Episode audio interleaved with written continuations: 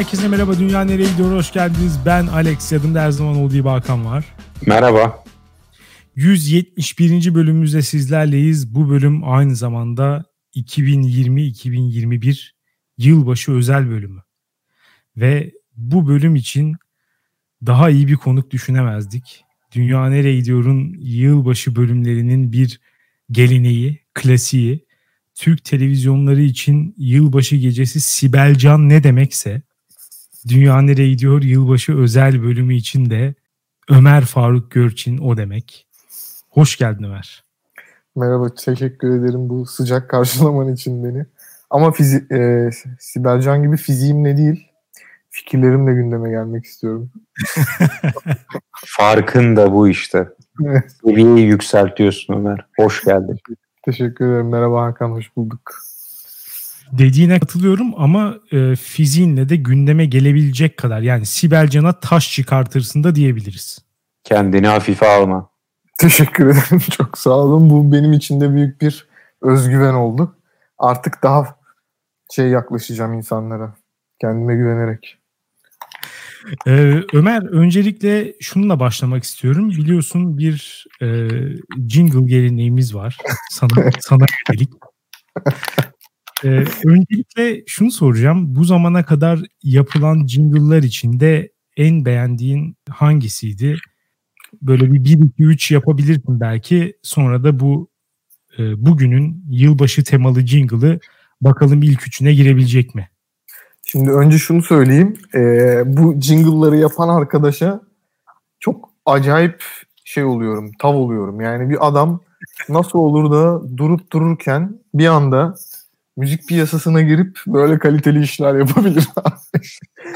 o kadar beğendim Greta Thunberg'li şeyi. O birinci sırada o var. Ee, ikinci sırada Game of Thrones'lu olan olabilir. Orada biraz sözler biraz kısırdı. Sadece evet. adından oluşuyordu sözler. Evet, o, ama nedense yani o çok saçma gelmişti. Ondan dolayı yani o absürtlüğünden dolayı yani ama Greta e, şey de olabilir ya yani normal bir albümde de kendine yer bulabilecek bir şarkı. o kadar iyiydi yani. Yalnız bu jingle'larda bildiğim kadarıyla söz Alex'e güfte Öyle mi? Şeye ait. E, Epi'ye. Ya, ya şöyle. Evet. Değişen oranlarda e, çeşitli katkılar oluyor. Öyle söyleyeyim. Greta'nın sonundaki sözleri ben de beğenmedim. Grup seks falan tarzı şeyler geçiyor. Oradan ben de Alex'ten şüphelenmiştim yani. Çünkü o şey şakalar orada olmuştu. Onlardan rahatsızım evet. Peki o zaman e, kötü sözleri ben üstüme alıyorum. İyi sözleri de Epik arkadaşımızın yazdığını söyleyebiliriz.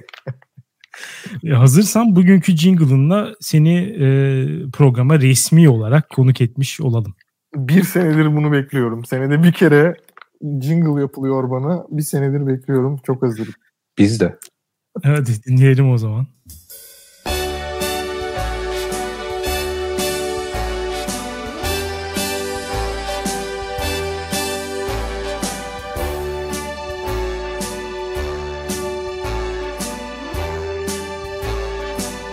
Maske takar işe gider Bize yetiştirir haber Ömer Faruk. Sokaklar ıssız. Ömer çok yalnız. Çalışıp durur yorulmadan Ömer Faruk. Koronavirüs ona nasıl etki etsin? O gerçek bir savaşçı ve seks istadı kudretlidir. Çok seksidir. Testosteron müzesidir Ömer Faruk. Onu bir Görünce kalbim sar. Serice atıp durur Ömer Faruk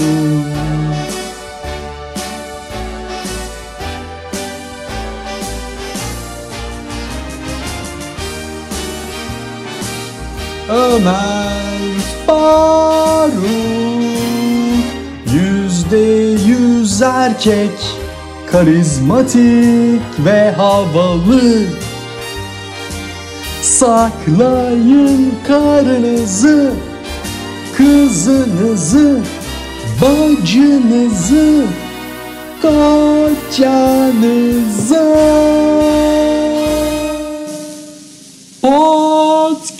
podcastlerde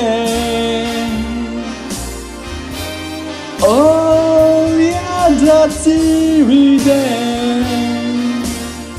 Kamyonu deviririm ekrana gelince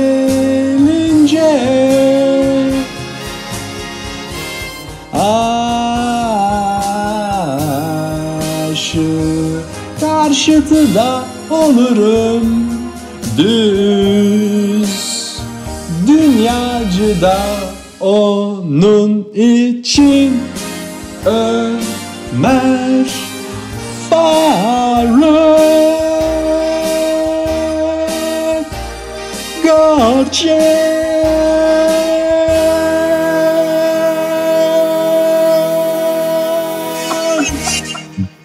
Devam ediyor. Muazzam.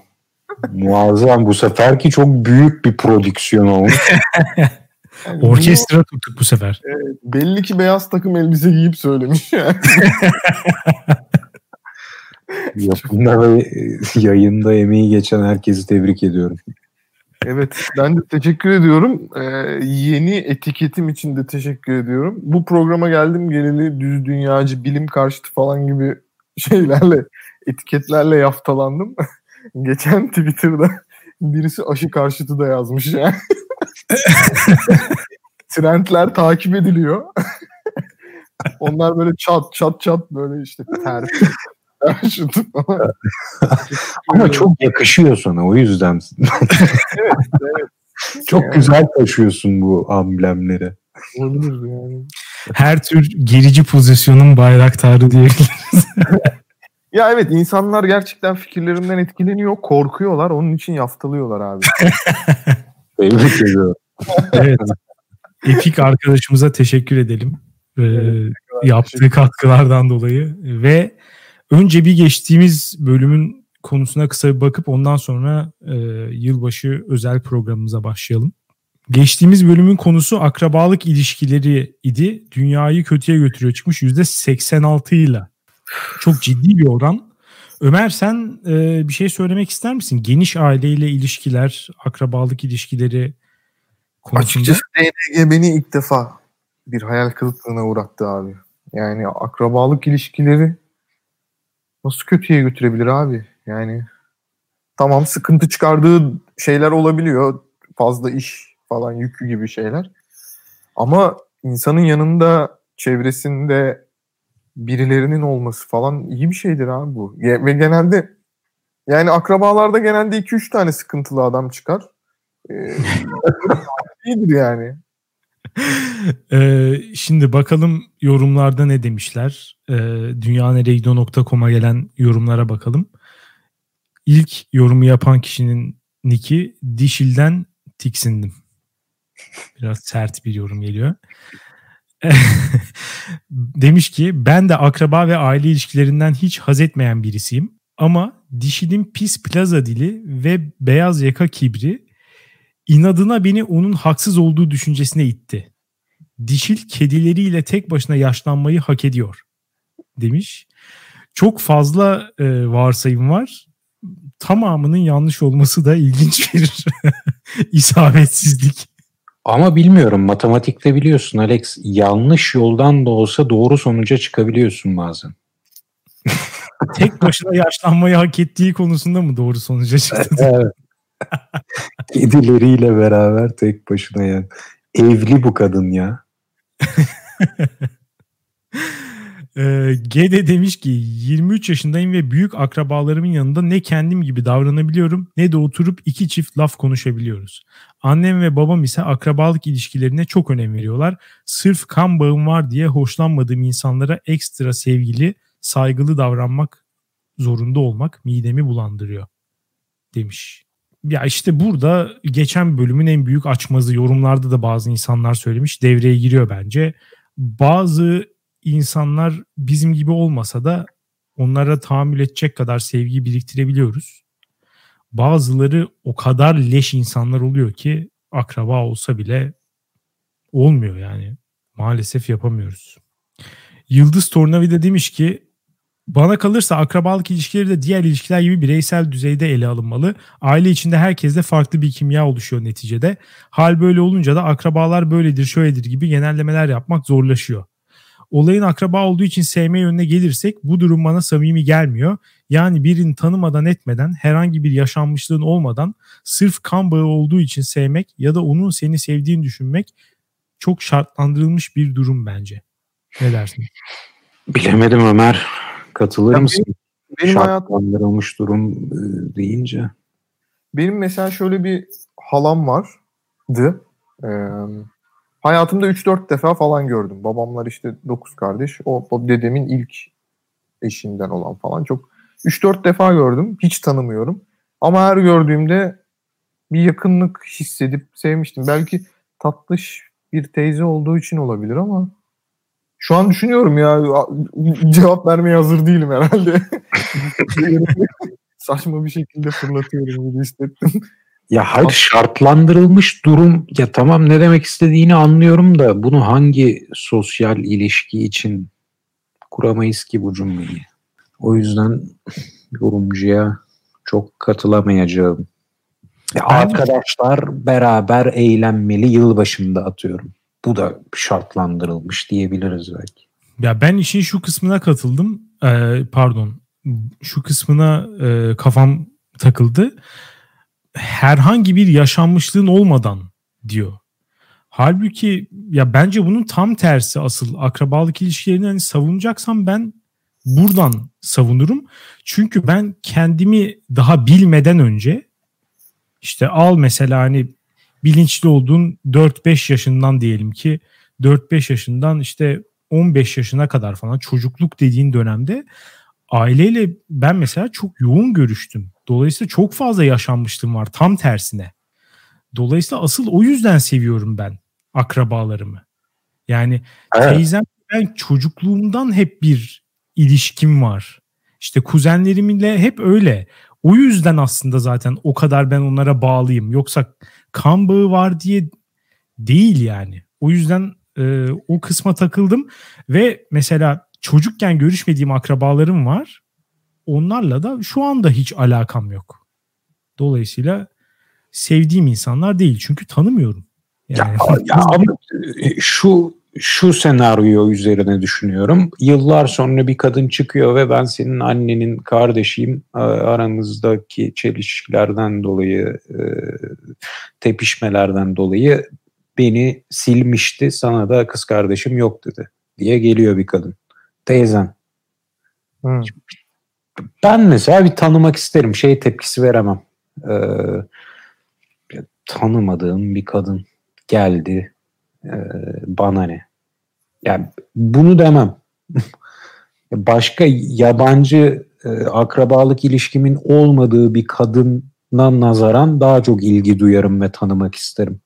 Siz ne dersiniz bilmiyorum. Diyorum. Yani- Yani. ben mesela işte teyzende annene benzeyen şeyler görmek bana hep enteresan gelmiştir. Ya da işte amcanda babana benzeyen şeyler görmek falan. O, o- yani o bir ailelerin böyle bir paternleri var sanki. Belli hareketler, belli şeyler. Belli, ben mesela baba tarafından dedemi hiç tanımadım, bilmiyorum. Yani onun demek ki onlarda oluşturduğu şeyler var. Amcalarımdan onları görüyorum, onları tahmin etmeye çalışıyorum falan. Hep eğlenceli. Gerçi amcalarım iyi insanlar da onun da etkisi olabilir. Yani belki berbat bir amcam olsaydı sürekli işte sorunlar çıkaran bir adam olsaydı belki ondan kaçardım ama bilmiyorum bana hep şey gelmiştir. Ee, üstümdeki soya yönelik soru işaretlerini çözebilme şeyi gelmiştir akrabalarımı gözlemek. Dolayısıyla hep ilgi çekici ve e, şey onların yanına gitmeyi isterim yani ben. Ee, üstümdeki soy lafı beni birazcık şu an ilkiltti. O yüzden bir sonraki yoruma geçmek istiyorum. Ya işte dedemin, e, dedesinin bilmem neyin falan onlara dair böyle şeyler olabilirmiş gibi geliyor. Onlar senin altında ama Ömer. Onlar ağacın alt kısmı. Sen üsttesin. Öyle mi oluyor? Altındaki soy demen lazım. Niye ya? Yukarıdan aşağı iner. Fatih, Beyazıt falan. evet bu bu konuyu bilare çözelim. Ezgi, Ezgi Çelebi demiş ki Alex Hakan Tasma siz haksızsınız ve size laflar hazırladım.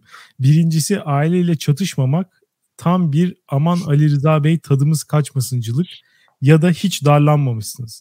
Ataerkil toplumumuzda erkek olarak büyümeniz de beni ikincisine itiyor ve size soruyorum. Gerçekten bunu fark etmeden akraba iyidir demek neyin kafası? Demiş. İkincisi sırf kan bağı var diye birini sevmek bence en toksik ilişki şekli. Aksine arkadaşlar seni olduğun gibi kabul eder. Aile sürekli yontmaya çalışır. İlişki seçmek güzel bir şey demiş ve dişile dik dur eğilme bu millet seninle diyerek tamamlamış. ya yine burada şeye bakar yani akraban nasıl bir abi çok leş bir olmasına rağmen her hareketin destekliyorsan evet yani biraz garip olur öyle bir şey yapıyorsan ama çok kimseye rahatsızlık vermeyen kendi halinde biri ise de yapacak Benim şey iki buçuk litrelik pet şişeyi sokağa atan, arabadan aşağı atan akrabam vardı. çok kızmıştım. Adamı yani üçüncü, dördüncü defa falan görüşümde. Yardım Böyle bir hareketle karşılaştım. Orada da çeşitli aileme dair şeylerde çıkarımlarda bulundum. İyi uzaklaşmışım diye. Zaten hayatımda ilk defa iki buçuk litrelik şişenin dışarı atıldığını gördüm.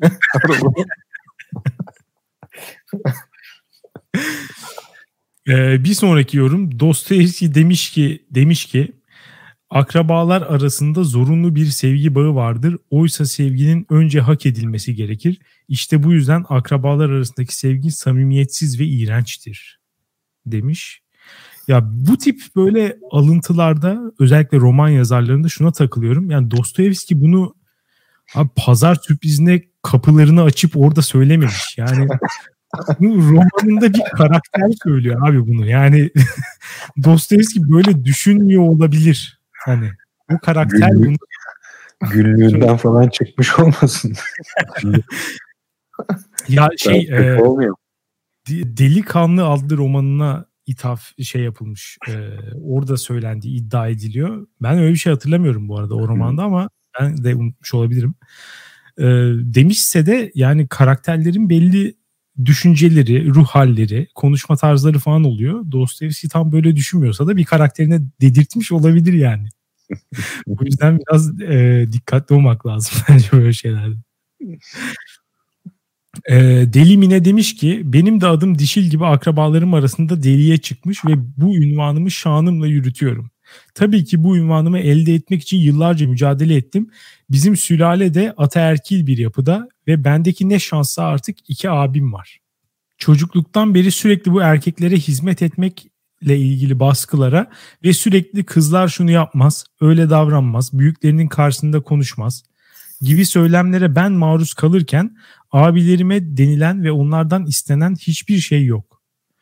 Önce beni sevmiyorlar diye düşünüp itiraz ederken sonrasında cinsiyet eşitsizliğini fark etmem uzun sürmedi. Ben de tabii her şeyi laf yetiştirerek ve söylenen şeylerin tersini yaparak türlü itirazlarım sonucunda adım deliye çıktı. Şu anda yaşımız geçkin ve iki abim de hizmet konusunda çok iyiler ve temizlik yemek falan hepimiz yaparız. Ama akraba olan bir misafir geldiğinde ben direkt yatışa geçiyorum ve inadına hiçbir şey yapmıyorum. Onlar da övgüsever kişiler olarak hizmet etmeye dünden razılar. Ben kötü de olsam deli de olsam bu durumdan gayet memnunum ve akrabalarımı da sevmiyorum demiş. Çok güzel. sonu güzel bitmişti halbuki. Yeni bir düzen oturtmuş. E, ataerkil yapıyı bozmuş falan. Güzeldi sonu. neden, neden sevmiyorum da bitti ben kısmı bilemedim. Ya yine de geçmiş bir travma oluşturmuş herhalde. Ya hizmet olayı gerçekten rahatsız edici. Buna ben de katılıyorum. Çoğunlukla hizmet veren taraftayım ben de. Ee, bir önceki bölümde bahsettiğim ailenin küçük çocuklarından bir tanesi olmam sebebiyle. Ee, iyi değil yani evet orada birileri oturuyor. Sen onlara sürekli çay koyuyorsun bir şey yapıyorsun falan biraz rahatsız edici yani. Ben, ben hep hizmet alan tarafta oldum açık konuşmam. Ya öyle olsa da birazcık sıkıntılı değil mi? Yani sürekli sen evet ben bazı şey- itirazlar da dile getirdim bu konuda. Ee, ama şimdi hizmet görürken de çok ses kibarlık olarak şey yapılıyor değil mi? Hakan da çok şey çocuk. Efendim de falan deyip yine aynen devam ediyorlar. Ee, bir de ben iltifatımı almışım zaten. Hizmetimi de alıyorum. Aynen. Fazla fazla zorlamıyor insan devrimi yani. Bilal demiş ki akrabalık ilişkileri demişken her sülalede ortalığı karıştıran, milleti dolandıran, bilezikleri bozdurmak için yeni fikirlerle gelen bir amca ya da dayı figürü vardır demiş. Bizim aile gerçekten bunun eksikliğini çekiyor. Biraz aksiyonsuz kaldık. Sizde var mı böyle bir amca dayı? Bende amcaoğlu var. Ee, uzak amcaoğullarından yine. Yani yine az gördüğüm hayatımda insanlardan biri. Son görüşmemizde bir cenazede beni kenara çekip e, bilim adamı tanıdıklarım olduğunu düşünüp benim e, onlara çok iyi bir projeyle gideceğini söyledi. Ne dedim abi sen bana yardımcı olursun dedi. Çekti kenara beni. Hani İstanbul'dan gelmişti falan. Geldim. E, burada bir alan var dedi. Orada altın var dedi. Dedektör yapsınlar bana diyor. Ama. Cevap veremedim. Çok hiç beklemediğim yerden sordu yani. Gel de akrabalarını sevme yani mümkün değil. Evet eğlenceliydi. Cenazeyi eğlenceli hale getirdi benim için. Su bulan adam videosundaki adamı götürseydin onu. Altın da buluyor abi bu. buyurun efendim buyurun diyerek altınları buyurdu. Buyurun. Ee, son olarak dilde zenginleşme hareketi demiş ki merhaba sevgili Alex ve Hakan. Öncelikle sizleri ve konuklarınızı dilde zenginleşme hareketine yaptığınız katkılardan dolayı tebrik etmek istiyorum. Fonksiyon etmek kalıbı olsun, show up etmek kalıbı olsun. Duydukça keyiflendim. Türkçe nazilerine ayar oluyorum. Hep beraber bu dili adım adım yabancılaştıracağız. Teşekkür ederiz. Genelde tam tersi yönde e, yorumlar alıyorduk. Arada çok da bu arada biz bence o kadar fazla İngilizce kelime kullanmıyoruz. Ama yine de bir tane bile kullanırsak kızanlar oluyordu. Bu destek de hoşuma gitti o yüzden. Tabii bu destek bir e, nasıl diyelim Hani kinaye mi mi derler? İroni mi derler? Kinaye mi derler? Destek olsun bize bilmiyorum ama o değilse hani bir tokat yemiyorsak alttan. Öyleyse de ben e, face value alarak bunu Evet seni biraz saf gördüm Alex. Her neyse bölüme gelirsek akrabalık ilişkileri biraz şans biraz kişiye bağlı bence. Muhafazakar bir sülalede muhalif ve liberal çizgideki tek kişi olduğunuzu düşünün. İşte o benim.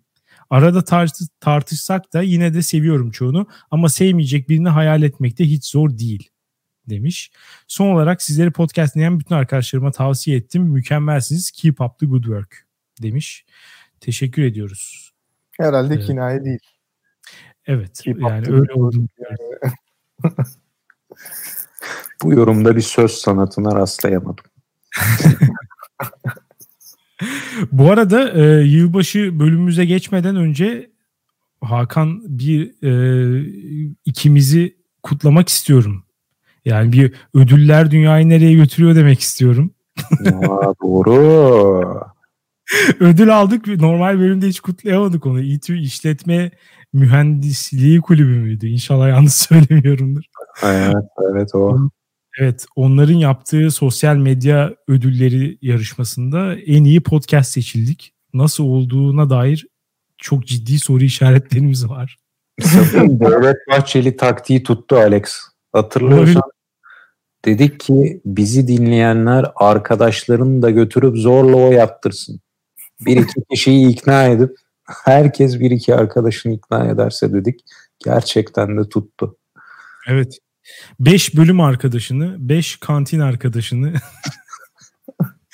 dedik ve hakikaten tuttu. Ee, bu ödül de aldığımız ilk ödül oldu bu arada. Şey anlamlı yani. Benim hayatımda da aldığım ilk ödül oldu. Ben de bu konuya. Yani her şeyi kapatalım abi. Bunun, bundan bahsedelim.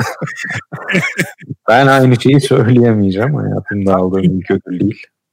Ne ödülü almıştın? Spor müsabakalarında bayağı bir ödül almışlığım var Alex. Bayağı bir. Yarışma sonucunda madalya aldın. Ödül değil mi o? Doğru doğru. Şimdi sen söyleyince e, evet o da o zaman e, ben de almışım. Ma- Maalesef onları ben kafam e, ona gitmedi. Havam gitti benim ama. Teşekkür yok. ediyorum. Niye gitsin? E, öte yandan şöyle bir havamız var Hakan.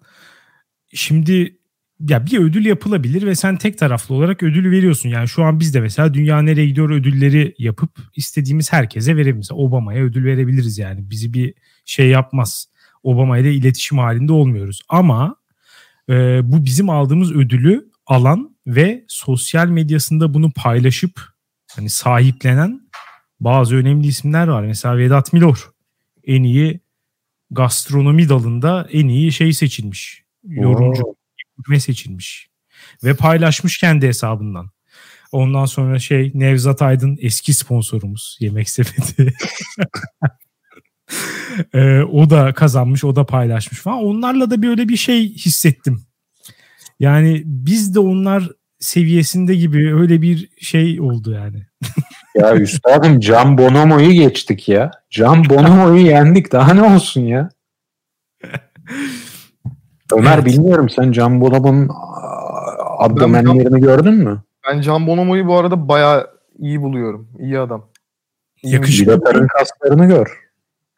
Yok onları görmedim. Yani doğrudur güzeldir. Bir gün aç bak. tamam. Olursun. kaldır.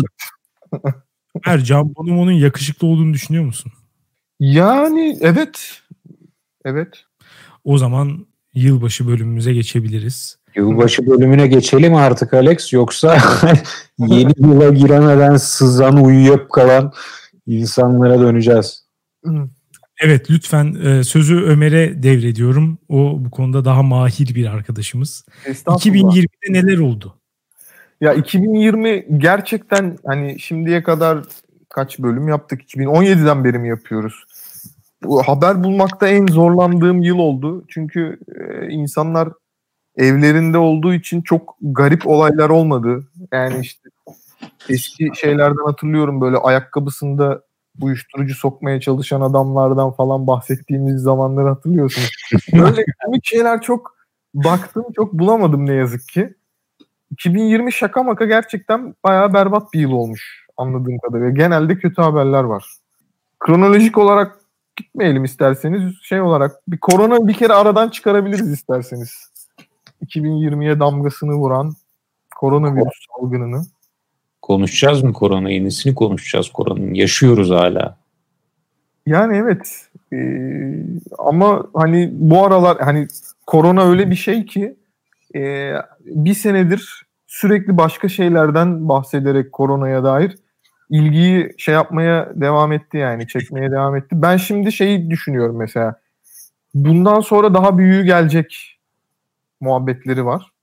Ben ona kesin inanıyorum. Yani bundan sonra bundan daha beter, daha öldürücü, daha hayatımızı berbat hale getirecek bir virüsün çıkacağına dair inancım yüzde yüz mesela. Ben de inanıyorum e, 6G teknolojisi geldiği zaman koronavirüs açılarındaki mikroçiplerin vücudumuza yerleştirilmesiyle birlikte çok feci bir salgın başlayabilir. Ben de bu arada pandeminin bitmesinden korkar oldum. Bunu da itiraf edeyim açık konuşayım. Konuşabiliriz bence. Geri kalan her şey çok fazla zaten konuşuldu. Aşısı olsun, işte zaten 9 aydır koronavirüs sebebiyle yaşadığımız şeyler olsun. Ya bit, bittiği zaman ne olacak? Bitmesi acaba o kadar da iyi midir falan? Bununla ilgili belki konuşabiliriz. Ben de birazcık şeyim. Bu hayatı daha çok mu sevdim acaba diye bir sorguluyorum. Ben ya bu hayatı şu an sevdiğimi iddia edemeyeceğim ama eski normali düşündükçe biraz korkuyorum. Korkuyorum. Ya birçok şeyden kurtulmamıza neden oldu. Yani o insanlar arasındaki o saçma ilişki, o dokunmatik şey, o şeyin bitmesi yani her şeyde bir iyi yönü vardır ya. Bence bu baya iyi bir şey oldu. Ben bundan sonra da mesela otobüse bindiğimde maske takmak falan maskesiz nasıl otobüse bineceğim mesela diye düşünüyorum. Doğru. Ya maskeli nasıl nasıl ya? Bittikten sonra herkes sana uzaylı gibi bakar yani. Yok abi ben sanmıyorum ya. Bir sürü benim gibi insan vardır ya. Ya artık o mikrop o kadar gerçek bir şekilde hayatımıza girdi ki bundan sonra herhalde hep maskeli gezerim ben otobüste. Hadi ya. Bana ben öyle... Birçok evet. insan böyle olacak bence. Evet. Abi e, bunu yapan insanlar çok feci şekilde hasta olur bence sonra bir noktada. Bilemiyorum Alex. Bu konularda biliyorsun duygu dünyamız çok geç tepki veriyor. Baştan algılayamıyoruz. İlk korona çıktığında e, hatırlarsan ben metroda maske takanları görünce dalga geçiyordum içimden. İki hafta sonra e, yandık, sıçtık, bittik modundaydım. Çok ya evet tabii değişebiliyor duygusal tepkiler. Tabii ki öyle evet. Yani bilgi sahibi oldukça şeyleri değiştiriyorsun yani. Hem duygu hem de hani davranışlarını değiştirebiliyorsun ama ya maskeyi isteyerek takmak benim hiçbir zaman yapabileceğim bir şey değil. Onu ben artık yani 9 ayda bundan emin oldum. Çok ciddi bir e, risk olması lazım ya ya da zorunluluk şu anki gibi mesela. Zorunluluk olması lazım yoksa ben düz grip virüsleriyle falan hayatta maske takmam. Yani çok rahatsız ediyor beni. Anti maskeciyim. Koronavirüs bitene kadar takarım. Ee, bu ciddi salgın durumu ortadan kalktığı gün maskelerimi yakacağım yani. O kadar nefret ediyorum. Ee, konuyla alakalı bir diğer haberim de şu. Ee, yine korona ile alakalı. Sadece ve sadece korona ile alakalı dikkat edin. Ee, Bill Gates Microsoft'un yönetim kurulundan istifa etti. ne zaman? 2020'de. Yani çip takma işlerine gerçekten adam herhalde hız vermeye başladı. Bundan sonra Windows Windows uğraşmayacak. Direkt bizimle uğraşacak gibi bir şey çıkarabiliriz bence bundan. Evet, yani bu programda bunu zaman zaman dile getirdik. Bill Gates gerçekten çok şüpheli birisi. yaptığı her şey beni rahatsız ediyor. Yani Microsoft'un yönetim kurulundan istifa edip aşılama faaliyetine daha fazla vakit ayırması beni sadece korkutuyor. Yani şey hissediyorum, e, rahatsız hissediyorum ve yine bu iddiamı yineliyorum. Eğer Bill Gates bu hareketlerine devam ederse dünyada kimse aşı olmak istemeyecek. Yani iş buraya doğru gidiyor. Gerçekten. Bu, bu adama çok yükleniyorsunuz arkadaşlar. bu adama çok yükleniyorsunuz ya. Ya yani şunu bir masum bir şeyle açıklayamıyorum. Gül gibi işim varken niye yönetim kurulundan istifa Sadece e, daha e, şey planlar, şeytani planlar için bunu yapabilirsin gibi geliyor. ya şaka bir yana Bill Gates e, hakikaten bütün parasını inşallah böyle şeylere bağışlar. Hiç parası şey, Aklıma şey geliyor. O doğru çıkacak mı acaba? Servetini çocuklarına bırakmayacakmış ya. Daha doğrusu yüzer milyon dolar falan bırakacakmış. Onun için kum tanesi boyutunda bir miktar bırakacakmış. Kalanını bağışlayacakmış gibi bir haber hatırlıyorum seneler öncesinden. Bakalım yapabilecek mi? İçerler miydin sen Bill Gates'in oğlu olsan? Yani adam sana 300 milyon dolar bıraktı. Ee, Hakan Gates. İçerler miydi? Yani Allah belanı versin der miydi arkasından? Abi Bill Gates'in oğlu olsa muhtemelen bambaşka yani bambaşka bir yaşam formu olacağım için şu an hiç o kafaya giremiyorum. Ama bir tık içerlerdim sanki. o 100 milyar doları bana yar etmediği için 100 milyon dolara bir burun çevirebilirdin. e, Covid dışında başka neler oldu sevgili Ömer? Covid dışında Covid e, biraz şey yapalım artık. Bu senenin Geç. en önemli haberi bence Amerikan seçimleri. E, Donald Trump yaşlı bir adama karşı kaybetti ne yazık ki. e, Chick Schmill ben bana kalırsa yine bayağı oy aldı. Yani e, bu kadar olacağını da tahmin etmezdim ben Trump'ın. Tabii daha- canım. Şey bir, e, bir Biden galibiyeti falan bekliyordum tabii. Ama adam şaka maka e, zorladı. Sonuna kadar uğraştı, şey yaptı falan. Ama Amerika'nın artık yeni bir başkanı ve daha önemlisi yeni bir başkan yardımcısı var. Çünkü o başkan yardımcısının bir gün başkan olacağı kesin değil mi? Önümüzdeki Ama dönem. bana da öyle geliyor evet ya. Yani Biden tamamlayamayabilir gibi geliyor bana da. Mümkün değil ya. Ama e, o Kamala Harris'ten nefret ediyorum abi. Bu modern çağın yarattığı modern insanın vücuda gelmiş hali. Yani e, işte birçok etnisiteden işte imbiklenmiş, işte birçok e, inanıştan imbiklenmiş, birçok şeyden böyle sanki e, perfect e, şeyi koyalım diye koymuşlar gibi geliyor kadın bana yani. Ya şey gibi böyle Apple CEO'su Heh. e, veya Amazon CEO'su, Facebook CEO'su falan diye tanıtsan kadını hiç yadırgar mısın? Yani çağın gerektirdiği ne kadar saçmalık varsa onun hayvani bir savunucusu olacakmış gibi geliyor bana. Ve bu Saçmalık derken yine biraz gericilik sezdim Alex. Doğru mudur? Ya doğrudur. Burada bir kadın düşmanlığı da çok net bir şekilde var. Ee, Kamala Harris'i ben sonuna kadar destekliyorum. Bu ama bu arada Biden'ın seçilmesi gerçekten şöyle bir laf vardır ya. Ben ceketimi koysam seçilir. Demokratlar böyle dedi. Ben ceketimi koysam seçilir dedi. Ya ceket Biden gerçekten. Çünkü adam yani daha şey olamaz. Daha inaktif olamaz. Bütün seçim boyunca bir tane Bodrum'da oturdu. Ondan sürekli bir şeyleri unutuyor. Halkın karşısına çıktığı böyle bir çok küçük anlarda işte torununun kız torununun oğlu olduğunu söylüyor falan.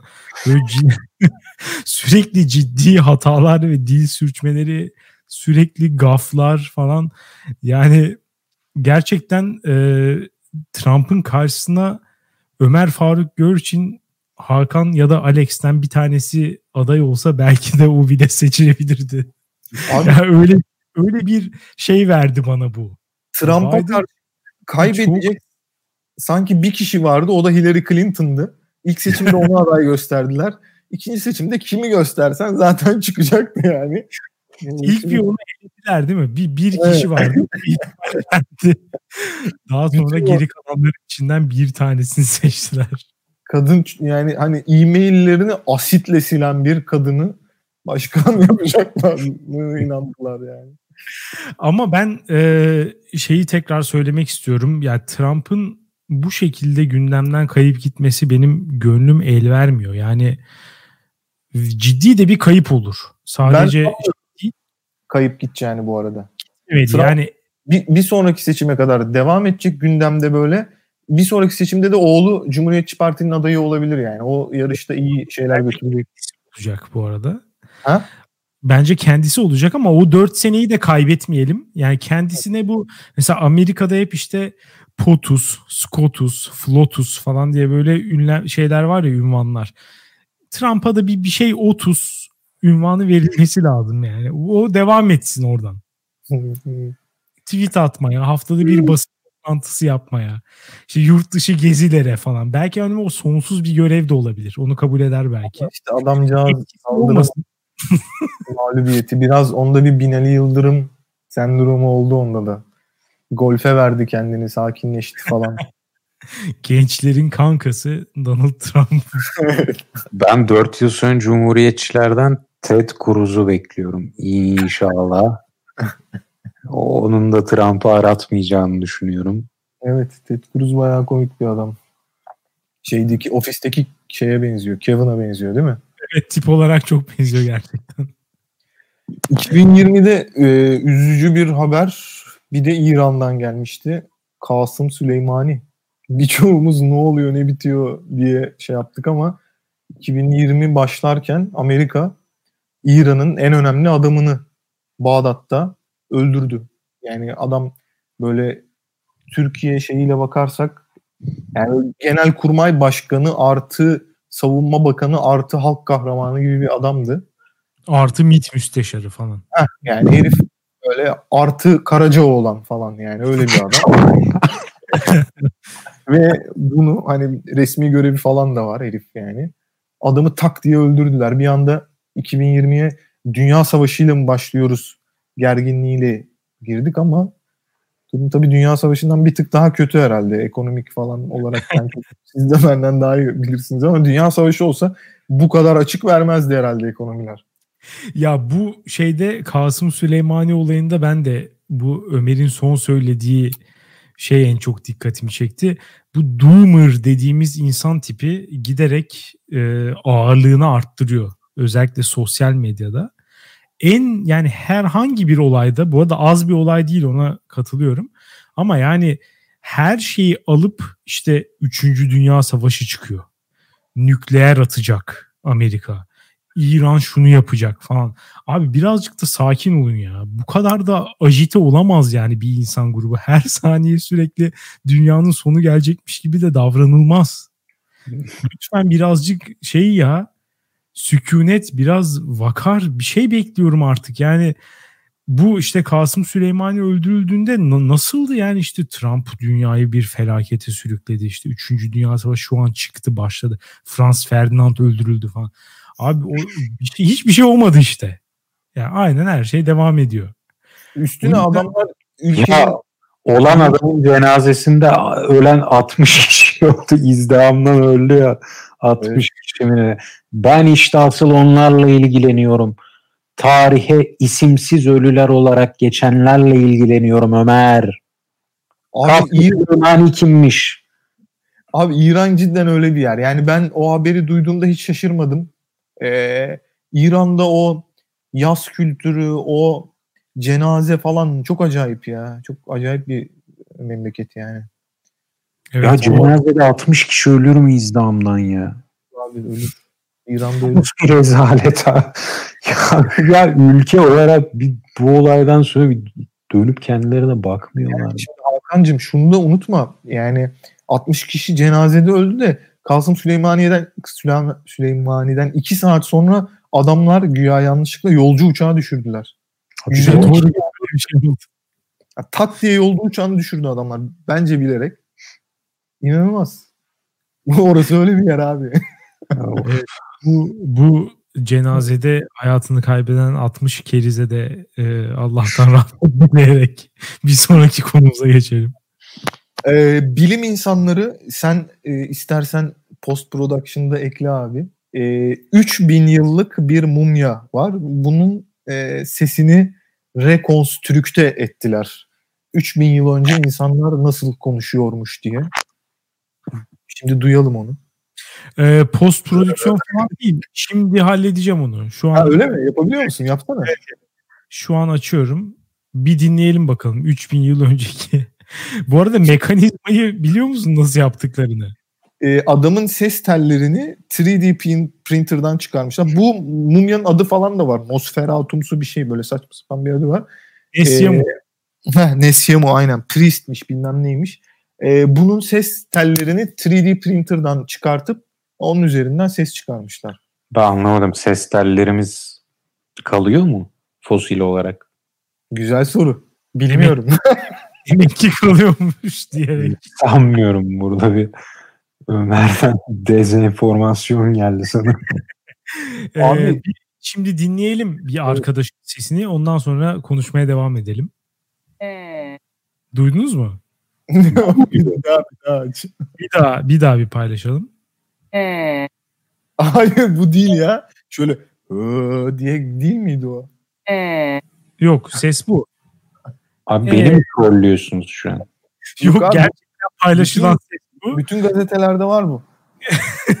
bir saniyelik bir reküs konstrüksiyon mu yapabilmişler anlayamadım. Bir evet. şey tamamen e, belirsiz yani tamamen cinsiyetsiz bir ses. açıkçası şeye falan benziyor. İşte Siri ya da Alexa'nın çıkarttığı seslere falan benziyor. Meğliyor abi ne Siri'si ne Alexa'sı meğliyor bu ya. Tamamen bir şey e, robotik bir şekilde e diye bir ses. Yani şu an bu bilim karşıtlığına karşıyım ben. Yani bilim adamları 3000 yıl öteden sana ses getiriyorlar ve sen bu sesi beğenmiyorsun. Hatta inanmıyorsun. Bilime İnanmıyorum. bilime Ben inanmıyorum ama beğenmiyorum. Sahte bilim bu. Sözde bilim. yazılım öğren yazılım. Evet bir sonraki haberimize geçelim. Sonraki başlığımız e, biraz şeyden ama e, bu ödül alan e, üç tane ödül, iki tane ödül alan bir, bir tane de bir başkadırı getirdim. Parazit filmi. Ben izlemedim onu ne yazık ki daha. Parazit mi Parasite mı diyeceğiz? O, o da bence büyük dilemma. Ha, Parazit mi diyeceğiz? Tamam Parazit. Joker mükemmel şaheser. Joaquin Phoenix. Bir de bir başkadır dizisi. O da Türkiye'de henüz ödül aldı mı bilmiyorum ama üç tane e, en çok konuştuğumuz işte sinema yapımı. Bir başkadır acilen ödül almalı. Joker bir başyapıt dedin. Kinaye mi yaptın? Ne yaptın? Çabuk açıkla Ömer. Mükemmel abi. Joker anlatımı, oyunculuğu yani o yönetmenin o şekil şükül hareketleri süper ya. Süper abi. Yani Çok ilginç. Ben, ben hiç beğenmedim. Nasıl Ve ya? üstüne üstlük şu iddiayı da ortaya attım önceden. Tekrarlıyorum. Ben Joker'i oynayayım ben de Oscar alırım. Artık e, aktöre değil karaktere verilen Oscar'lardan Joker. bak Joker'i oynayana veriyorsun abi. Heath Ledger'dan sonra Joker oynayıp da Oscar Oscar almak daha da zordu bence. Yani Joker'i Oscar'ı Joker'e vermezler diye düşünüyordum ben o Heath Ledger'dan sonra.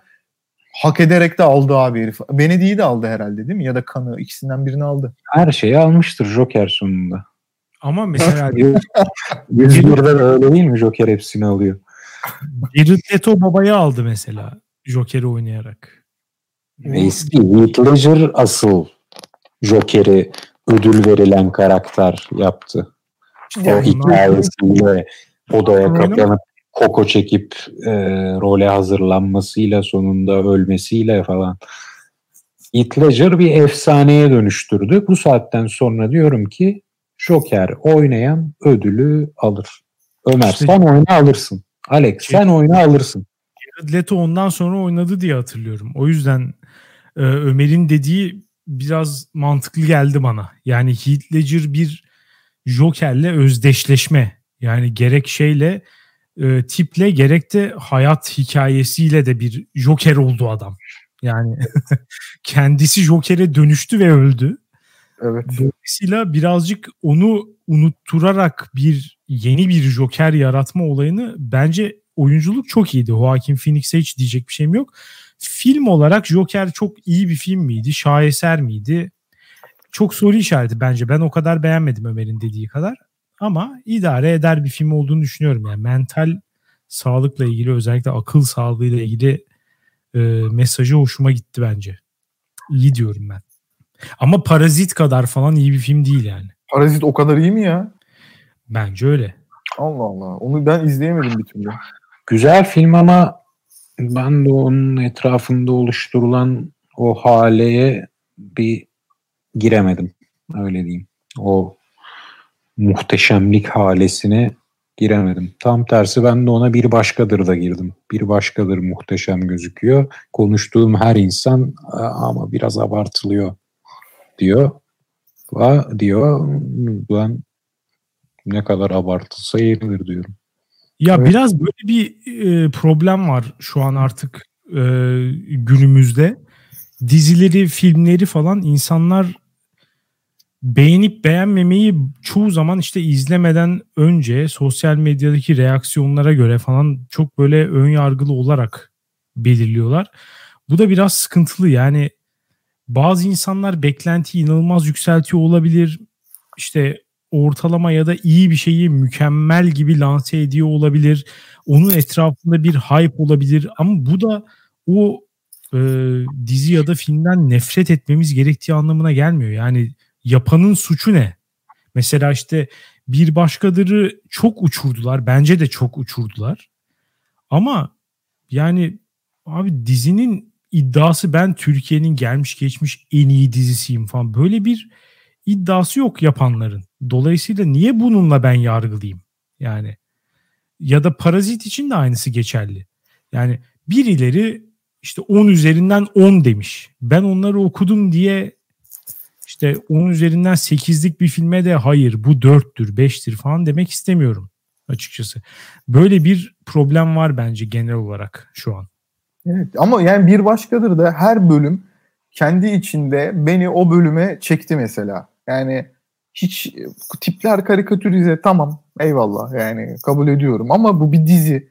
Ama öte yandan o kadar güzel bir e, olay örgüsü kurmuş ki herif bütün karakterler birbirinin çevresinde birbirlerini rahatsız ederek ve birbirleriyle bir iktidar ilişkisi kurarak hareket ediyor. O mesela benim çok hoşuma gitti. E, insanların normal hayatta yaptığı rutinleri çok güzel gözlemleyip aktarmış. Onlar benim çok hoşuma gitti. Yani o kızıyla babasının saçma sapan bir şekilde 3 dakika televizyon izlemesini izlemek o kadar hoşuma gitti ki dizinin sonunda. Yani e, çok iyi yapmış adam. Helal olsun. Evet birçok açıdan çok iyiydi. Ben e, biraz daha uzun sürmesini isterdim açıkçası. Bir mini dizi e, olmasını istemezdim yani. Daha devam edebilirdi bence bu hikaye. Ben de şöyle ekleme yapayım. 100 bölüm olsa 100 bölümü tak tak tak tak arda arda izlerdim. Ama ikinci sezonu gelirse kesin kötü olur. Bence de. O yüzden Alex sen söylemiştin ikinci sezonu gelecekmiş diye. Umarım e, bu Fargo, True Detective falan gibi e, bir ikinci sezon olur o. Yani aynı anlam kümelerinde süzülüp ama bambaşka hayatlar, bambaşka karakterler gibi yapar. Umarım. Evet en isabetli olur ya da direkt bu hikayeyi 8 bölümde değil de mesela 20 bölümde verebilirdi bence. Evet. Bence öyle güzel olurdu açıkçası. Evet. Bir devam son... devam edelim. Evet, bir sonraki belki 2020'de en çok ismini duyduğumuz isim George Floyd meselesi. İnanılmaz bir barbarlık, inanılmaz bir şeyle karşılaştı dünya. Nasıl böyle olabilir falan. Halbuki benim takip ettiğim kadarıyla Amerika'da neredeyse rutin haline gelmiş bir e, durum bu. E, George Floyd diye bir adam 40 küsür yaşında siyahi e, işte hiçbir silahı yok. Belli ki teslim olmuş. E, ama başındaki 3 polis memuru adamın ensesine boğazını bastırarak herkesin gözleri önünde boğarak adamı öldürdü. İşte sonra Bence orada dedin ya bu Amerika'da her gün yaşanan bir olay. Doğru. Bu olayın e, patlamasına biraz da o videodaki polislerin rahatlığı, videodaki bir polisin de e, bir azınlık mensubu olması ve bunların da üstüne nefes alamıyorum. Artık tamamen tamamen polisin eline kendini bırakmış birinin nefes alamıyorum gibi vurucu bir cümleyle bunu yaşamış olması bence bu kadar patlattı olayı. Bir ara e, aile bebek miydi? Suriye'den evet, aylan, e, aylan. aylan, aylan bebek olayı gibi. Mesela aylan bebek de bu kadar patlamasının sebebi bence biraz aylan bebeğin fotoğrafına baktın mı bir batılı çocuk gibi de evet. gözüküyordu. Evet. Çok haklısın. Yani durum o kadar boktan yani. yani şimdi binlerce hikaye yaşanıyor böyle iki olayda da. Binlerce hikaye var biliyoruz. Daha bu sene işte e, haberlere bakarken hiç belki biz duymadık bile şey yaptım. Bu senenin en büyük gemi kazası 200 küsür mültecinin Akdeniz'de e, boğularak öldüğü bir kaza. Hiç duymadık bile aslında. Ama Aylan bebeği duyduk. Niye? Çünkü o çocuk hepimizin çocuğu gibi duruyor. O kırmızı tişörtü, o mavi şortuyla hepimizin küçüklüğü gibi, hepimizin evladı gibi duruyor. George Floyd'da da öyle bir mesele oldu. Aslında o nefes alamıyorum meselesi O e, 2016 falan olabilir. Eric Garner diye bir adam vardı. O da sokakta herhalde ya, ya yanlış hatırlamıyorsam sigara satarken e, şey yapıldı. E, o da I can't breathe'di. Onun da son lafları. Ondan beri o evet. şey olmuştu. Ama e, Alex'in de dediği gibi olayın içinde o kadar yani bütün e, şeyleriyle e, öğeleriyle tam bir cinayet vardı. Bir azınlık var, öbür polis rahat, işte o e, kurban siyahi, adam silahsız, işte herifler her şeye rağmen görevini uyguluyor falan. E o birazcık şey yaptı ama e, ne yazık ki durum bu. Dünya böyle. Türkiye'de de benzer şeyler oluyor. Dünyanın her yerinde benzer şeyler oluyor. Sadece işte onu bu kadar açık ve net bir şekilde kendi hayatımızı televizyonda gördük diye bu kadar sinirlendik. Aslında o hayat hala devam ediyor. E, şeyden sonra bir sürü e, George Floyd'dan sonra bir sürü adam yine e, boğularak ya da işte e, haksız yere ateş edilerek öldürüldü. Tabii ki öyle olmaya da devam edecek ama ben ya bu kadar e, karamsar bir noktadan bakmak istemiyorum. Tam tersi e, optimist bakmak istiyorum buna. Ya muhakkak bunlar bir e, birikimin ürünü. Bu konular işte dünden bugüne gelen şeyler değil. Çok ciddi e, tecrübelerin, toplumsal tecrübelerin, birikimlerin olduğu konular. Hangisinin işte bir poster olacağı, hangisinin bir harekete sebep olacağı, hangisinin bardağı taşıran son damla olacağı. Bu da dönem dönem de değişiyor yani. Hepsinden işte ne bileyim bir tane 2008'de oluyor, bir tane 2015'te oluyor, evet. bir tane 2020'de oluyor falan. Hani böyle niye bu da öbürü değil falan gibi bir e, sorgulamaya gitmek bilmiyorum. Bence ya bu önemsiz. Öngörülemez. Evet, kesinlikle Hangi? öyle. Kesinlikle öyle. Önemli olan bu arkadaki birikime ve yarattığı sonuca bakmak. Tabii ki işte göçmenlik meselesi, onların güvenliği çözülemeyecek yani hızlı bir şekilde. Mümkün değil bu. Onlar ölmeye devam edecekler. Ya da işte Amerika'da, dünyanın diğer yerlerinde ırkçılık aynen devam edecek. Yani aynen demeyelim de bir süre daha devam edecek. Ama sonuçta şunu görebiliyoruz. Öyle ya da böyle bu George Floyd olayının patlaması sayesinde işte Amerika'da spor müsabakalarında ya bir ara hani mesela NBA devam etmeyebilirdi. Buraya evet. gelmişti olay. Hatta bir ara maçlar ertelendi. İşte tüm oyuncular işte sırtlarında bir sloganla çıktı. Bunlar hani hafif şeyler olarak gözükebilir ya da mesela İngiltere'de maçlar oynanmadan önce diz çöküyorlar ırkçılığa karşı. Belki hani şey değil, yeterli değil. Ama sonuçta sıradan insana ulaşma konusunda bu tip böyle patlamaların, bardağı taşıran son damla olayların çok olumlu etkisi oluyor bence. Böyle böyle ideale doğru yaklaşıyoruz. O yüzden ya bu tip şeyler olmak zorunda. Ne diyeyim yani hani simgesel olaylar yaşanmak mecburiyetinde. Bunlar da Hakan'ın dediği gibi öngörülemez. Yani bugün George Floyd öyle dediği için öyle deriz. Yarın öbür gün bambaşka bir şey patlar mesela. Tamamen şans bence. İşte keşke senin dediğin kadar optimist olsaydım ben. Diyerek bir sonraki şeye bağlayayım mı? Lütfen. Beyrut patlaması. Lübnan diye bir ülke var. Oranın başkenti Beyrut. Yönetilemeyen bir ülke. Zaten yani sanki her şey o patlamanın olmasını bekliyormuşçasına 2020'ye ulaştı ve bir anda ülkenin başkenti patladı ve ülke yıkıldı. Baştan kuruyorlar şu an ülkeyi. Evet. O, o kadar zaten... ciddi sonuçları oldu mu onun ya? Abi evet yani baştan kuruyorlar ama işin boktanı yine aynı ülkeyi kuruyorlar adamlar. yine o patlamadan iki önceki başbakanı Suudi Arabistan tarafından esir alınan o Hariri'yi Türkiye'de telekomu alan o e, ailenin şeyini başbakan yaptılar. Çünkü diğer başbakanları atadılar adamlar duramadı istifa etti. Yani Lübnan'da şöyle bir durum var. Ee, Cumhurbaşkanı Hristiyan olmak zorunda. Bak bir Cumhurbaşkanı olma şeyi için Hristiyan olmak zorundasın. Yani böyle bir o posta gelmek için. Ee, meclis başkanı ne olmak zorunda? Dürzi Maruni mi? Ne olmak zorunda? Şii. Şii olmak zorundaydı. Ee, şey de Sünni olmak zorunda. Başbakan da Sünni olmak zorunda. Böyle işte şeyde kotalar var falan böyle. Saçma sapan yönetimde bir ülke var ve bu ülke patladı.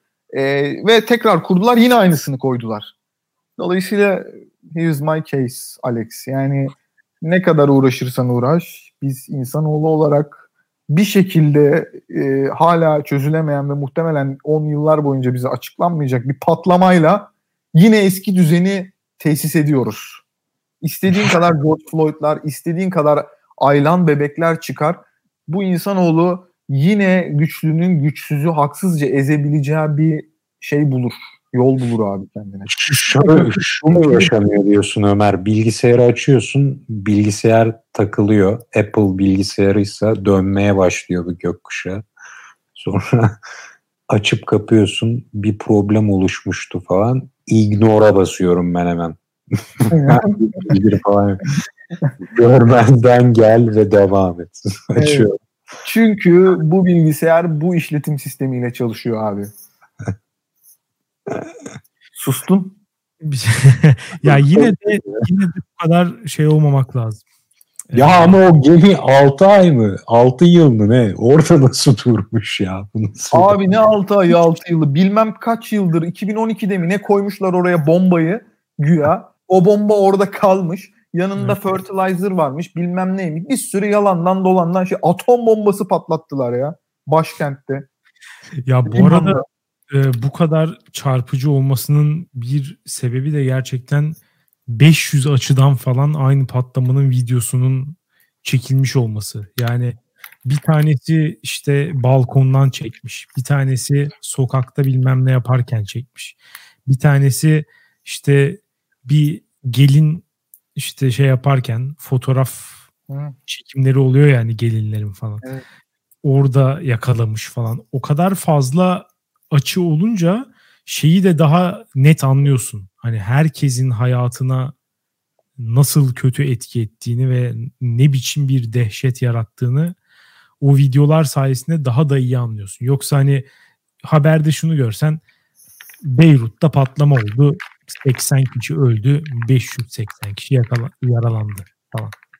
Aynen devam ederim yani. Ama şu videoları gördüğüm zaman ister istemez insan bir şey oluyor. Ajite oluyor yani. Evet. Bu da 2000'lerin şeyidir. 2020'lerin de olmaya devam edecek yani olayı. Görüntülerin insanları çok daha fazla ajite etmesi. Evet o zaman e, geriye sona biraz eğlencelileri bırakmıştım Öyle zaten. diyecektim. Biraz daha eğlenceli bir şey konuşalım diyecektim. Evet evet onları geriye bıraktım. Fatih Portakal'ın YouTube'a geçişi ve Bu mu eğlenceli? eğle- asıl eğlence geliyor. Rasim Ozan Kütahyalı'nın futbola dönüşü. Oo. Bunlar 2020'nin önemli şeyleri. E, televizyon olayları olarak. Bu arada Rasim Ozan Kütahyalı'nın televizyona dönmesi gerçekten de Türk televizyon tarihi açısından bir Yani adam şunu göstermiş oldu. Televizyonda en kötü ne söylenebilir? Ve bu senin yanına kar kalabilir. göstermiş oldu herhalde. Ya bilmiyorum o program Rasim Ozan Kütahyalısız yani yürümez. Ya yürümez. Rasim Ozan Kütahyalı her zaman söylerim 21. yüzyılın en büyük oportunisti. dir ve bu işi çok büyük başarıyla yapmaktadır. Katılmazsın, sevmezsin, etmezsin ama işini çok büyük bir başarıyla yaptığını teslim etmek zorundayız. Ya evet çok inanılmaz da eğlenceli bir adam bence ve şey yani işte güzel gürültü yapıyor, iyi şaka yapıyor. İyi bence yani Rasim Ozan Kütahyalı ben açıkçası seviyorum. Ama Ömer'in dediği de doğru. Bir şey yaptı. Ee, hani sınırları kontrol etti. Bir mayınları temizledi şu an belli bir yere kadar. Oraya kadar gitmek artık serbest oldu. Ama bir başka yol aç, bir ifade özgürlüğü diyenler vardı çünkü ona. yani o konuda bir pioneer bir hareket. Öncü. Adam öncü. Şimdi ya yarın öbür gün benzer bir şey söyleyen birisinin artık bu kadar tepki görmeyeceği garantilendi. Yani o yoldaki mayınları temizledi. Ba- Başka yollarda Türkiye'de her tarafta çok fazla mayın var da en azından bir kısmı temizlenmiş oldu. Fatih Portakal'a da gelince yani Ömer e, bilmiyorum meslektaşın o da e, YouTube'a şey yaptı. Sen de belki bir eşit potansiyel görüyorum senle Fatih Fatih Portakal. Portakal gibi mi? Evet, ben bir tık daha iyi konuşuyorum bence ya. Fatih Portakal'dan. Ya Fatih Portakal da iyi konuşuyor şimdi. Sana da iltimas geçmeyelim yani. Ama sen de belki bir YouTube kanalı açarak e, Ya e, Fatih Portakal şunu şey yapıyor. Ya gerçi onun işte bırakma hikayesine dair bir sürü dedikodu var. Bıraktı mı bıraktırıldı mı gibi meseleler var. E, adam şaka maka Türkiye'nin e, ana haber bültenlerini birkaç sene boyunca açık ara farklı domine etti. Geri kalan bütün kanalların reytingi kadar reyting yapıyordu adam. Bilmiyorum bence yani fazla değer atfediliyor adama. Yani konjonktür gereği o kadar yüksek reyting yaptı. Hala Fox zaten birinci. Evet bu arada ben de onu söyleyecektim. Ee, Fatih Portakal gitti. Fox aynen devam. Fatih Portakal da 400 50 bin falan abonesi var. Yani evet. Bu arada Fox'taki yeni adamı hiç gördünüz mü? Ben bir iki kere rastladım. Ee, Fatih Portakal. Portakal şey. gitmemiş. Adam aynısını yapmaya çalışıyor. Aynısını koymuşlar ama Fatih Portakal'ın yayın devretme yayını vardı. Yani şey yapıyordu. Dedi ben seni tanımıyorum dedi. Yani siz, ben sizi tanımıyorum dedi. Muhtemelen eee, onun farkındaydı ve seyircisini kendisine çekmek istedi. Ama şöyle e, major kanallar içinde muhalif yayın yapan tek kanal olduğu için Fox TV'ye kimi koyarsam birinci olur. Ben pek başarılı bulmuyorum Selçuk Dereli'yi. Selçuk Dereli mi? Selçuk Dereli mi adamın adı? Hakem değil miydi o? Benim de aklım hakeme gitti. Selçuk Dereli değil mi ya adamın adı? Selçuk bir şey. Belki şeydir. isim aynılığıdır. Ee, Tepeli tepeli tepeli. Çok pardon. o da bir coğrafi oluşum sonuçta. Çok da şey değil. Dere tepe karıştırmayın bunları. Ya bu arada evet sonuçta e, şu an nerede olduğu bilinmeyen e, Berat Albayrak da ilk çıktığında bir Tayyip Erdoğan kopyasıydı ama sonradan kendi personasını yarattı. Selçuk Tepeli de bence aynısını yapacaktır. Yani yavaş yavaş Fatih Portakallıktan Selçuk Tepeli'ye dönüşecektir diye düşünüyorum. Bir de bu yılı sarsan bir televizyon olayı daha var. Onu da gündeme getirmek istiyorum. Ee, biliyorsunuz İbo Show ekranlara geri döndü. Ama mermi hissettiriyor kendini anlaşılan. Ben izlemedim ama Kim hissettiriyor? performansında değilmiş. Ha evet Kalashnikov mermisi değil mi? Evet. evet. Hiç eski performansında değil. İbo çok kötü durumda. Ben e, kısa bir şey izledim. Hiç çekilir bir program değil. Berbat bir program. Ama yine de e, Türkiye'de gündem olmayı sürdürüyor. En son gündemi sarsış şekli de e, Demet Akalın'ın İbo Show'a konuk olduktan sonra e, çok bu arada gerçekten Türkiye'nin Ya önemli bir şey. Demet Akalın İbo Show'a konuk olduktan sonra şunu söyledi. Kulisteki kadınlar tuvaleti çok pis bir şekilde bırakılmıştı. Felaket bir şekilde pislenmişti. Bunu bir kadının yapabileceğine inanmıyorum. Bunu yapsa yapsa bir erkek yapmıştır dedi. Sonra Ve evet bunun üstüne konu araştırıldı. Demet Akalın'ın tuvalete girdiği saat ve tuvalete bakan güvenlik kamerası öncesinde kim girdi diye kontrol edildiğinde güvenlik kamerasından maalesef İspanyol giyim markası Zara.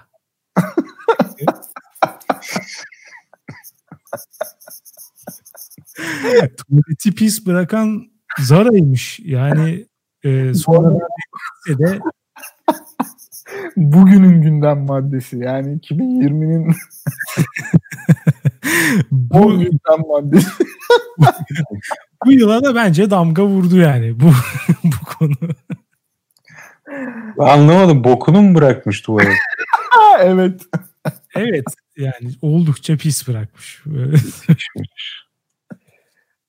Lütfen bir daha evet Zara'dan alışveriş yapmayın. Eğer, Boy.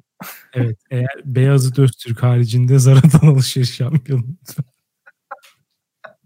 O niye? Şimdi bu Bilmiyorum. konuyu tekrar açmak istemiyorum ama kendisi bazı fetişlerle ilgili bir şeyi var, namı var. Hmm. Başka konumuz var mı acaba? Var var var. Ee, iki tane daha var hemen söyleyeyim. Bir tanesi Türk streaming platformları. Eksen ve Gain. Gain'i sen eklemiştin. Ge- Gerçi Eksen'i de sen yazdın. Eksen şeyinki herhalde değil mi? Acun'un 9.90 olacakmış. Almam. Bu eksen şey mi? Ee, bugün Twitter'da da gördüm bazıları yazmış. Hasan Cankaya'nın e, bir programı var konuşanlar diye. Onu alan bir şey mi? Platform mu bu? Acun kuruyor deyince aklıma geldi. Evet, evet onu da almış. Onunla birlikte e, ben de bugün bize cevap olarak insanlar yazınca konuyu birazcık araştırdım. E, bayağı bir YouTuber'ı bünyesine katmış Acun ve Eksen. Resmen YouTube Premium gibi bir şey yapmış adam yani para vererek YouTube izleme ama yanında diziler falan da var. Bence YouTube kısmı tutar mı? Bence tutmaz. Genelde bu tip şeyler e, hani bedava izlenen içerikler mecra değiştirdiğinde seyircisini kaybediyor başka programlara. Ve birçoğu zaten furya gibi şeyler. Mesela işte konuşanlar programı bugün var, yarın yok yani. Biraz böyle şey. konuşanlar. Ben izledim. 7 bölüm falan izledim ben. Gayet başarılıydı. Bayağı iyiydi bence. Allah Allah. o-. O bitmez Alex. Bence o bitmez. Çünkü çok e, açık bir şey konsept. Ya şöyle şöyle e, programın kalitesi hiçbir farklılık göstermeyebilir. Buna itirazım yok. Aynen aynı şekilde devam eder. Ama YouTube'da e, çok erişilebilir şekilde sadece bedava olması da değil. YouTube'un çok bilinir elin gittiği ve işte bir kere girdin mi çıkamadığın bir platform. Related videolar, trendler, ana sayfa falan. Yani YouTube'da ciddi vakit geçiriyor insanlar. Dolayısıyla YouTube'dan alıp onu başka bir yere koyduğun zaman orada o 2 milyon izlenme olasılığı e, ciddi şekilde düşüyor. Onun bedava bile olsa düşüyor. Yani bu sadece bu program için değil, mecra değiştiren tüm e, dijital içerikler için geçerli. Ama onu da göze almış olabilir yani. Hani bundan birazcık şey yapayım. 2 milyon değil de 300 bin kişi izlesin. Ama o gelen 300 bin kişi de benim diğer dizilerimle bilmem nemle işte üyelik havuzumu oluştursun falan diye düşündüyse akıllı bir strateji olabilir. Şunu söyleyeceğim ben. Eğer ki Acun yani şu ana kadar işte muhabirlikten geldi. işte yabancı ama tutacak formatları belirleyerek işte Survivor, işte kutu açmanın adını, orijinal adını hatırlamıyorum ama kutu kutu küçük mü?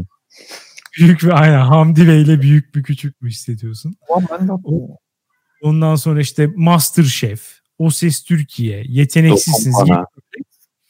İşte yurt dışında hali hazırda tutmuş, Türkiye'de de tutacağını tahmin ettiği şeylerle yürüdü. Ee, eğer ki paralı YouTube olayını ittirebilirse insanlara ben gerçekten şu an başımda olan yılbaşı şapkasını öyle Acun'a çıkartırım yani. Bunu becerirse ben pes ediyorum Acun'un şeyi karşısında. Başarısı karşısında. Şapka çıkarıyorum. e, boyun eğiyorum. Bükemediğim bileği yalıyorum artık yani. Bunun da başarılı olmasını tahmin bile edemiyorum ya. Acun bizi de al. Şeyim Abi alsın gerçekten ya. Şu an beni sadece programı değil beni satın alsın yani. Ya bilmiyorum paralı YouTube yorumuna şimdi bilemiyorum ya katılamadım. Yani YouTube'da eğer program yapıyorsan bunu istediğin mecrada yani gidip bir kanal da satın alabilir seni. Bunu ha streaming service yapmış ha bir kanal gidip resmi yapmış. Sonunda YouTube'da bir kanal. Alır öyle de e, ya işte az önce bahsettiğim sebeplerden dolayı o Orkun ışıtmak olsun işte e, bu Ali Biçim'le Mesutcan diye bir tane çocuk var mesela onlar olsun ya bunlar çok rahat erişilebilir gerektiği zaman böyle bir dakikasını izleyip çıkabileceğin falan tarz böyle bir el altında olmaktan çok faydalanan içerikler. Bunun için bir şey almazsın. Ya yani- Acun burada Eğer aldırıyorsa yapabilirse yine hakikaten helal olsun. Acun'un bildiğim kadarıyla hiçbir dizisi tutmadı. Asıl sıkıntı o. Yani E, ciddi- var. Kırmızı Oda var ya. He, bir o var herhalde. Başka ne var? Başka bir şey yok. Uygun ev kaderindir var. Ney? Doğduğun ev kaderidir. İkisi de aynı şeymiş bu arada. Aynı şey derken aynı hikaye. Hmm. Evet. Ee, ama şey var yani yaptığı diziler de tutuyor. TV8 ciddi başarılı. Gain'i bu arada tam olarak ne olduğunu anlayamadım. Onu herhalde ileriki günlerde daha iyi göreceğiz. Zaman mi? Gain. Game. Kazanç. Gain. Ne o? O da şey e, yerel bir streaming platformu. Yeni kuruldu o da. 1, 1 Ocak'ta sanırım faaliyete başlayacakmış. Valla Netflix'le kapışmaları zor gibi geliyor abi bana. Netflix bayağı iyi. Game Türkiye için Türkiye pazarı için yanlış bir isim seçerek girmiş. Var mı başka konu Ömer? Var. Son olarak ölenler. Bugün neşe saçıyorsun Ömer ya. Ama yok ya ölenler eğlenceli tipler. E, Alex'in yazdıkları hariç. 2020 gibi program oldu vallahi. Kobe Bryant, Maradona ve huysuz bir rejim var. Ama iki isim daha var burada. Chadwick Boseman ve Orhan Kural. İkisini de Google'lamak durumunda kaldım. Orhan Chadwick- Kural kim bilmiyorum da Chadwick Boseman şey e, Black Panther'i oynayan. Evet sonradan onu hatırladım. Orhan Kural'ı hatırlamadım da. Nasıl Belki ya? Orhan Kural sürekli sigara karşıtlığıyla gündeme gelen ve Cem Yılmaz'la her saniye kavga eden adam. Aa, Yok hiç anlamadım kim olduğunu. Maalesef Allah rahmet eylesin. onu koronavirüsten kurtaramamış. ben anladım şimdi. Cem Yılmaz sürekli dava eden bir adam olarak şu an hatırladım. Evet evet. Genel şeyi buydu. İşlevi buydu hayatta. Ne diye dava ediyordu? Gençlere kötü örnek olduğu için dava ediyordu bu arada genelde. Adamın olayı oymuş, takmış. Yani ben hayat amacım olarak bunu belirledim. Cem Yılmaz'ı hapse attıracağım. Sürekli. Başarısız oldukça geri deniyormuş adam. Chadwick bence e, neden tanıdığımıza dair hiçbir fikrim yok yani adamı. Adamın güzel, üzücü bir hayat hikayesi varmış evet ama oyunculuğu falan varmış. Oyunculuk yani süper kahraman filminde oyunculuk mu olur abi? Ki Bu arada zaten Black Şimdi böyle dediğin için hemen araya giriyorum. Netflix'te de olan Ma Rainey's Black Bottom adlı filmi izlersen Chadwick Boseman'ın ne kadar iyi bir oyuncu olduğunu görürsün. Güzel Yani- film. Gördüm onu ben izleyeyim mi? Film de fena değil ama özellikle e, rahmetlinin oyunculuğuna şapka çıkartılır yani. Bu arada bu tarz olaylarda da ben bir filmin piyasaya sürülüş sürecinin ne kadar uzun olduğunu idrak edip şok oluyorum. Mesela ad- adam ölüyor iki sene sonra oynadığı bir film piyasaya sürülüyor falan.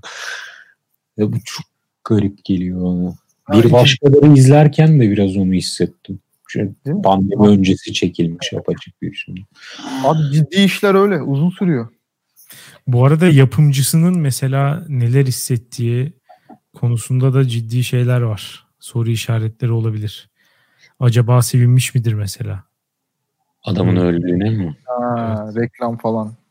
Evet. Bilmiyorum Bu ya. yapımcılar her zaman böyle bir şey Harvey Weinstein'den sonra özellikle yapımcılar benim gözümde dünyanın en kötü insanları. Abi evet Nerstein. yapımcılar kötü adamlardır ya zaten. Çünkü bütün işin başındalar ya. Bir sürü pislikle uğraşmaları gerekiyor falan. Kötü olmak zorundalar. Peki şeye ne diyorsunuz? Spor dünyasındaki ölümlere baskette Kobe, futbolda Maradona bir de e, Championship Manager efsanesi Maxim Aa.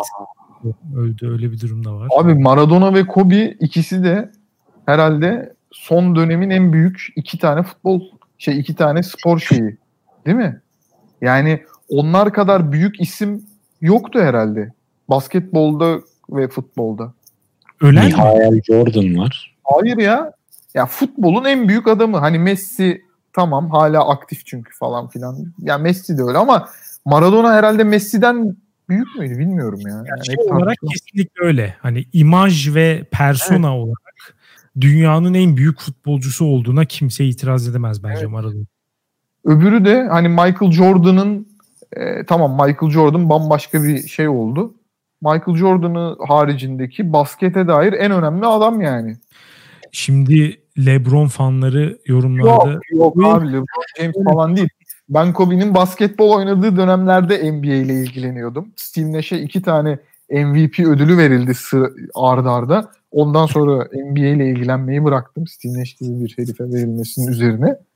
Ee, Kobe Bryant çok büyüktü abi. Yani e, yaşlandığında ki hali bile stiliyle, oyun zekasıyla o stratejik hareketleri, son saniye işleriyle falan yani bambaşka bir herifti. Schumacher'den falan büyüktü yani herif. Çok hayat tarzıyla şeyiyle o şakla kapışmaları vardı.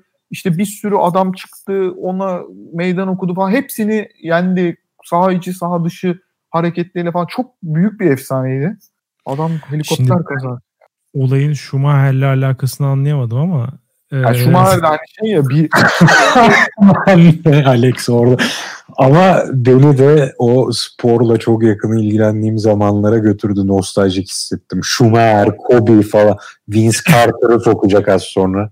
misafir değil aslında. Tracy McGrady'yi sokmak istiyorum. Oo, en sevdiğim adamdı bu arada. Benim de abi ben de Kobe'den daha çok severdim stili tarzı ve heyecan patlamaları dolayısıyla. Schumacher'i şeyden dolayı söyledim. Adam Selpak gibi bir şey. Yani e, şeye adını veriyor. Formula 1'e adını verdi adam. Hani Schumacher mi izliyorsunuz falan gibi bir herifti ya.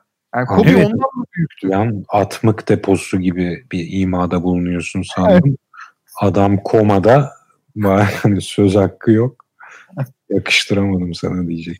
Bu arada o da mesela geçildi. Buna ne diyorsunuz? Bu eski yeni karşılaştırmalarında mesela işte biraz böyle biz acaba nostaljik mi davranıyoruz? Mesela benim de gençliğimde ya Formula 1 şu an izleyenleri bilmiyorum.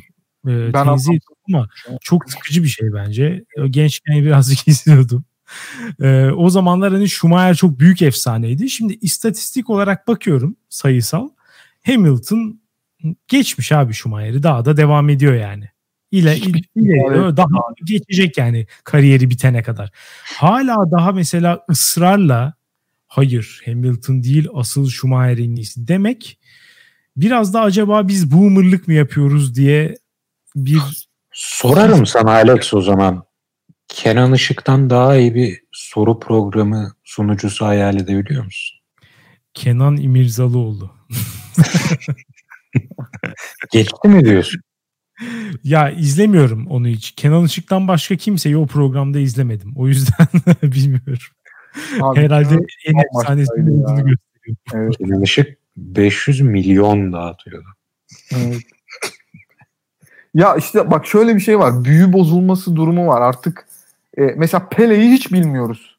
Yani herif e, voleybol topuyla falan atmış olabilir golleri. Yani hiç hiçbir fikrimiz Pele yok adamın. Ha? Ağır çöp ya Pele. Evet ama 700 tane gol atmış herif. Tamam mı? Yani büyülüymüş falan. Onu geç.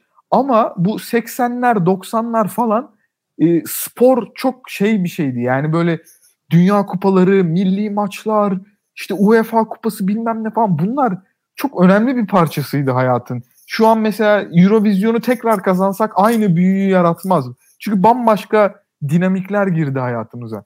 O onlar o işin en önemli olduğu zamanlarda ve işin çok açık olmadığı, e, her şeyinin didik didik edilmediği zamanlarda e, birer masal kahramanı olmuş adamlardı.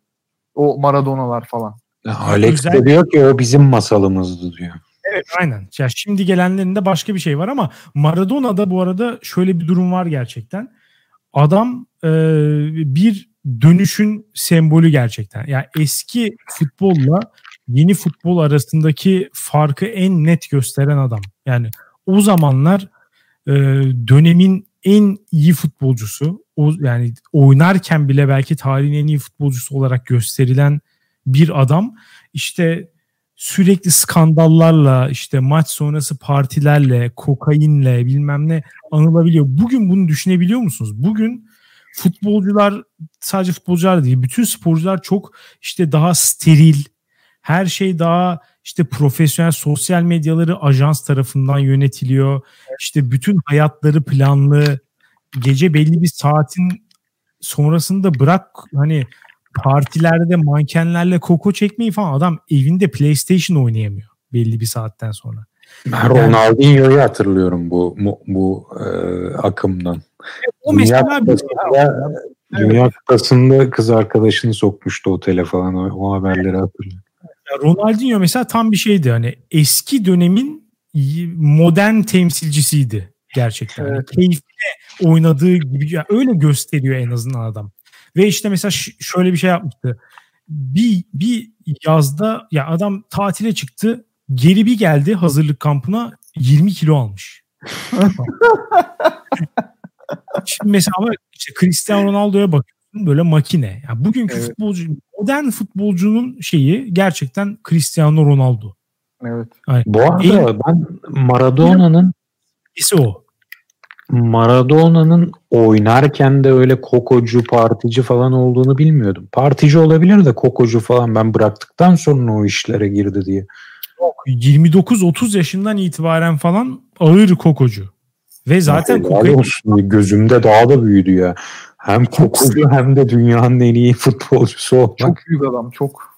Çok. hiç uyumuyormuş falan mesela. Uyumadan full partileyerek maçı çıkıyor falan böyle. O zaman tamam Messi'den de iyiymiş. Ya bilmiyorum, bir tek Messi bence ya. Messi de insanüstü bir şey ya. Ya Ömer Messi de çeksin kokuyu. iki line bir göreyim onu sahada. Evet.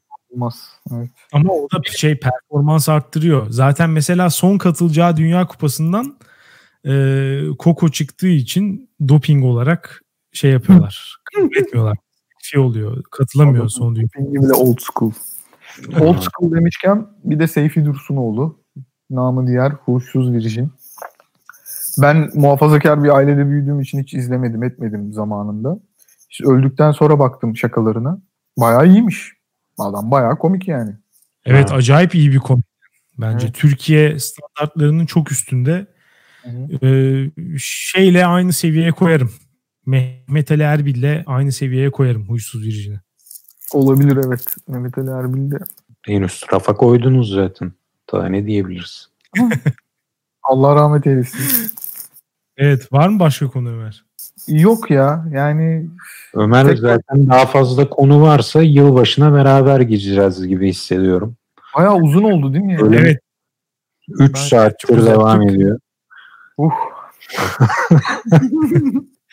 ya isterseniz şeyle bitirelim. Ee, hani sizin hayatınıza kişisel olarak nasıl bir etkisi oldu 2020'nin? Onunla bir iki cümle söyleyerek e, şey yapalım. Toparlayalım. İsterseniz siz düşünürken de ben başlayayım. Böyle sene e, başlı ya bu sene hakikaten koronavirüs ve evde oturmak hani yalnızlık falan şey yaptı. E, yönetti öyle diyeyim. Onda da baştan böyle bir işte kişisel gelişim yani işte fırsattan istifade kendimizi coşturalım falan gibi bir yaklaşım vardı. O sonra yavaş yavaş söndü falan. Ben böyle baktığımda hani bu sene en çok bana nasıl bir etki etti diye şey e, ya içgörü ve kendini değerlendirme konusunda birazcık şey oldu bence. E, olumlu oldu. Yani iyi tarafından bakınca bunu görebiliyorum. Hani normal şartlarda daha fazla böyle hayatın akışına kapılıyorduk.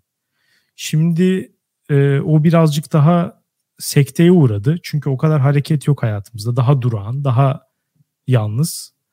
E, dolayısıyla birazcık kendi içimize döndük. İyi mi kötü mü bilmiyorum ama biraz o bakımdan bir avantaj oldu diyeyim. Siz ne dersiniz? Ya beni şu an anlatamayacağım biçimlerde etkiledi. O yüzden bir şey diyemeyeceğim ya şu an anlatamam. o yüzden Ömer'e paslıyorum. Hakan benim cevabımı verdi. ben, ben bayağı berbat bir yani herhalde hayatım herhalde değil kesinlikle hayatımın en kötü yılını geçirdim. Korona etkisi oldu işte kaybettiklerim oldu falan filan. İşte işim çok kötüydü ama boşandım falan. Yani berbat. berbat bir 2020. İnşallah yani daha kötüsü gelmez. Daha kötüsü gelirse herhalde biterim ben. evet bakalım. Ömer, Ömer bu sefer de sen beni anlattın. Teşekkür ederim. Çok güzel. İki, iki beden bir insan olarak.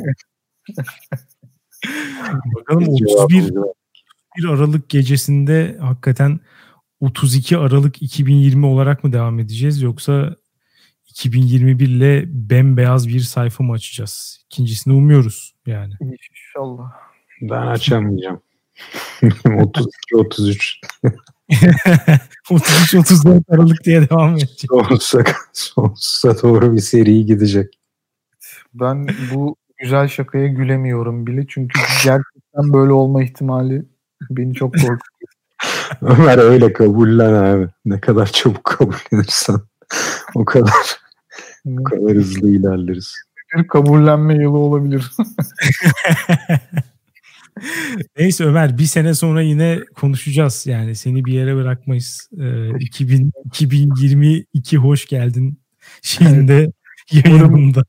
2021'de de boşanmam.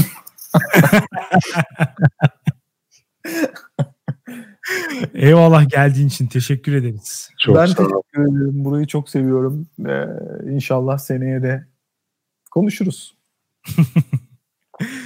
Ee, her türlü yorumunuzu senenin sizin için nasıl geçtiğini ve 2021'den ne istediğinizi dünyaneregidiyor.com'a yazabilirsiniz. Ee, tüm bir sene boyunca bizi dinlediğiniz için teşekkür ederiz. Haftaya salı görüşürüz. Güle güle. İyi geceler.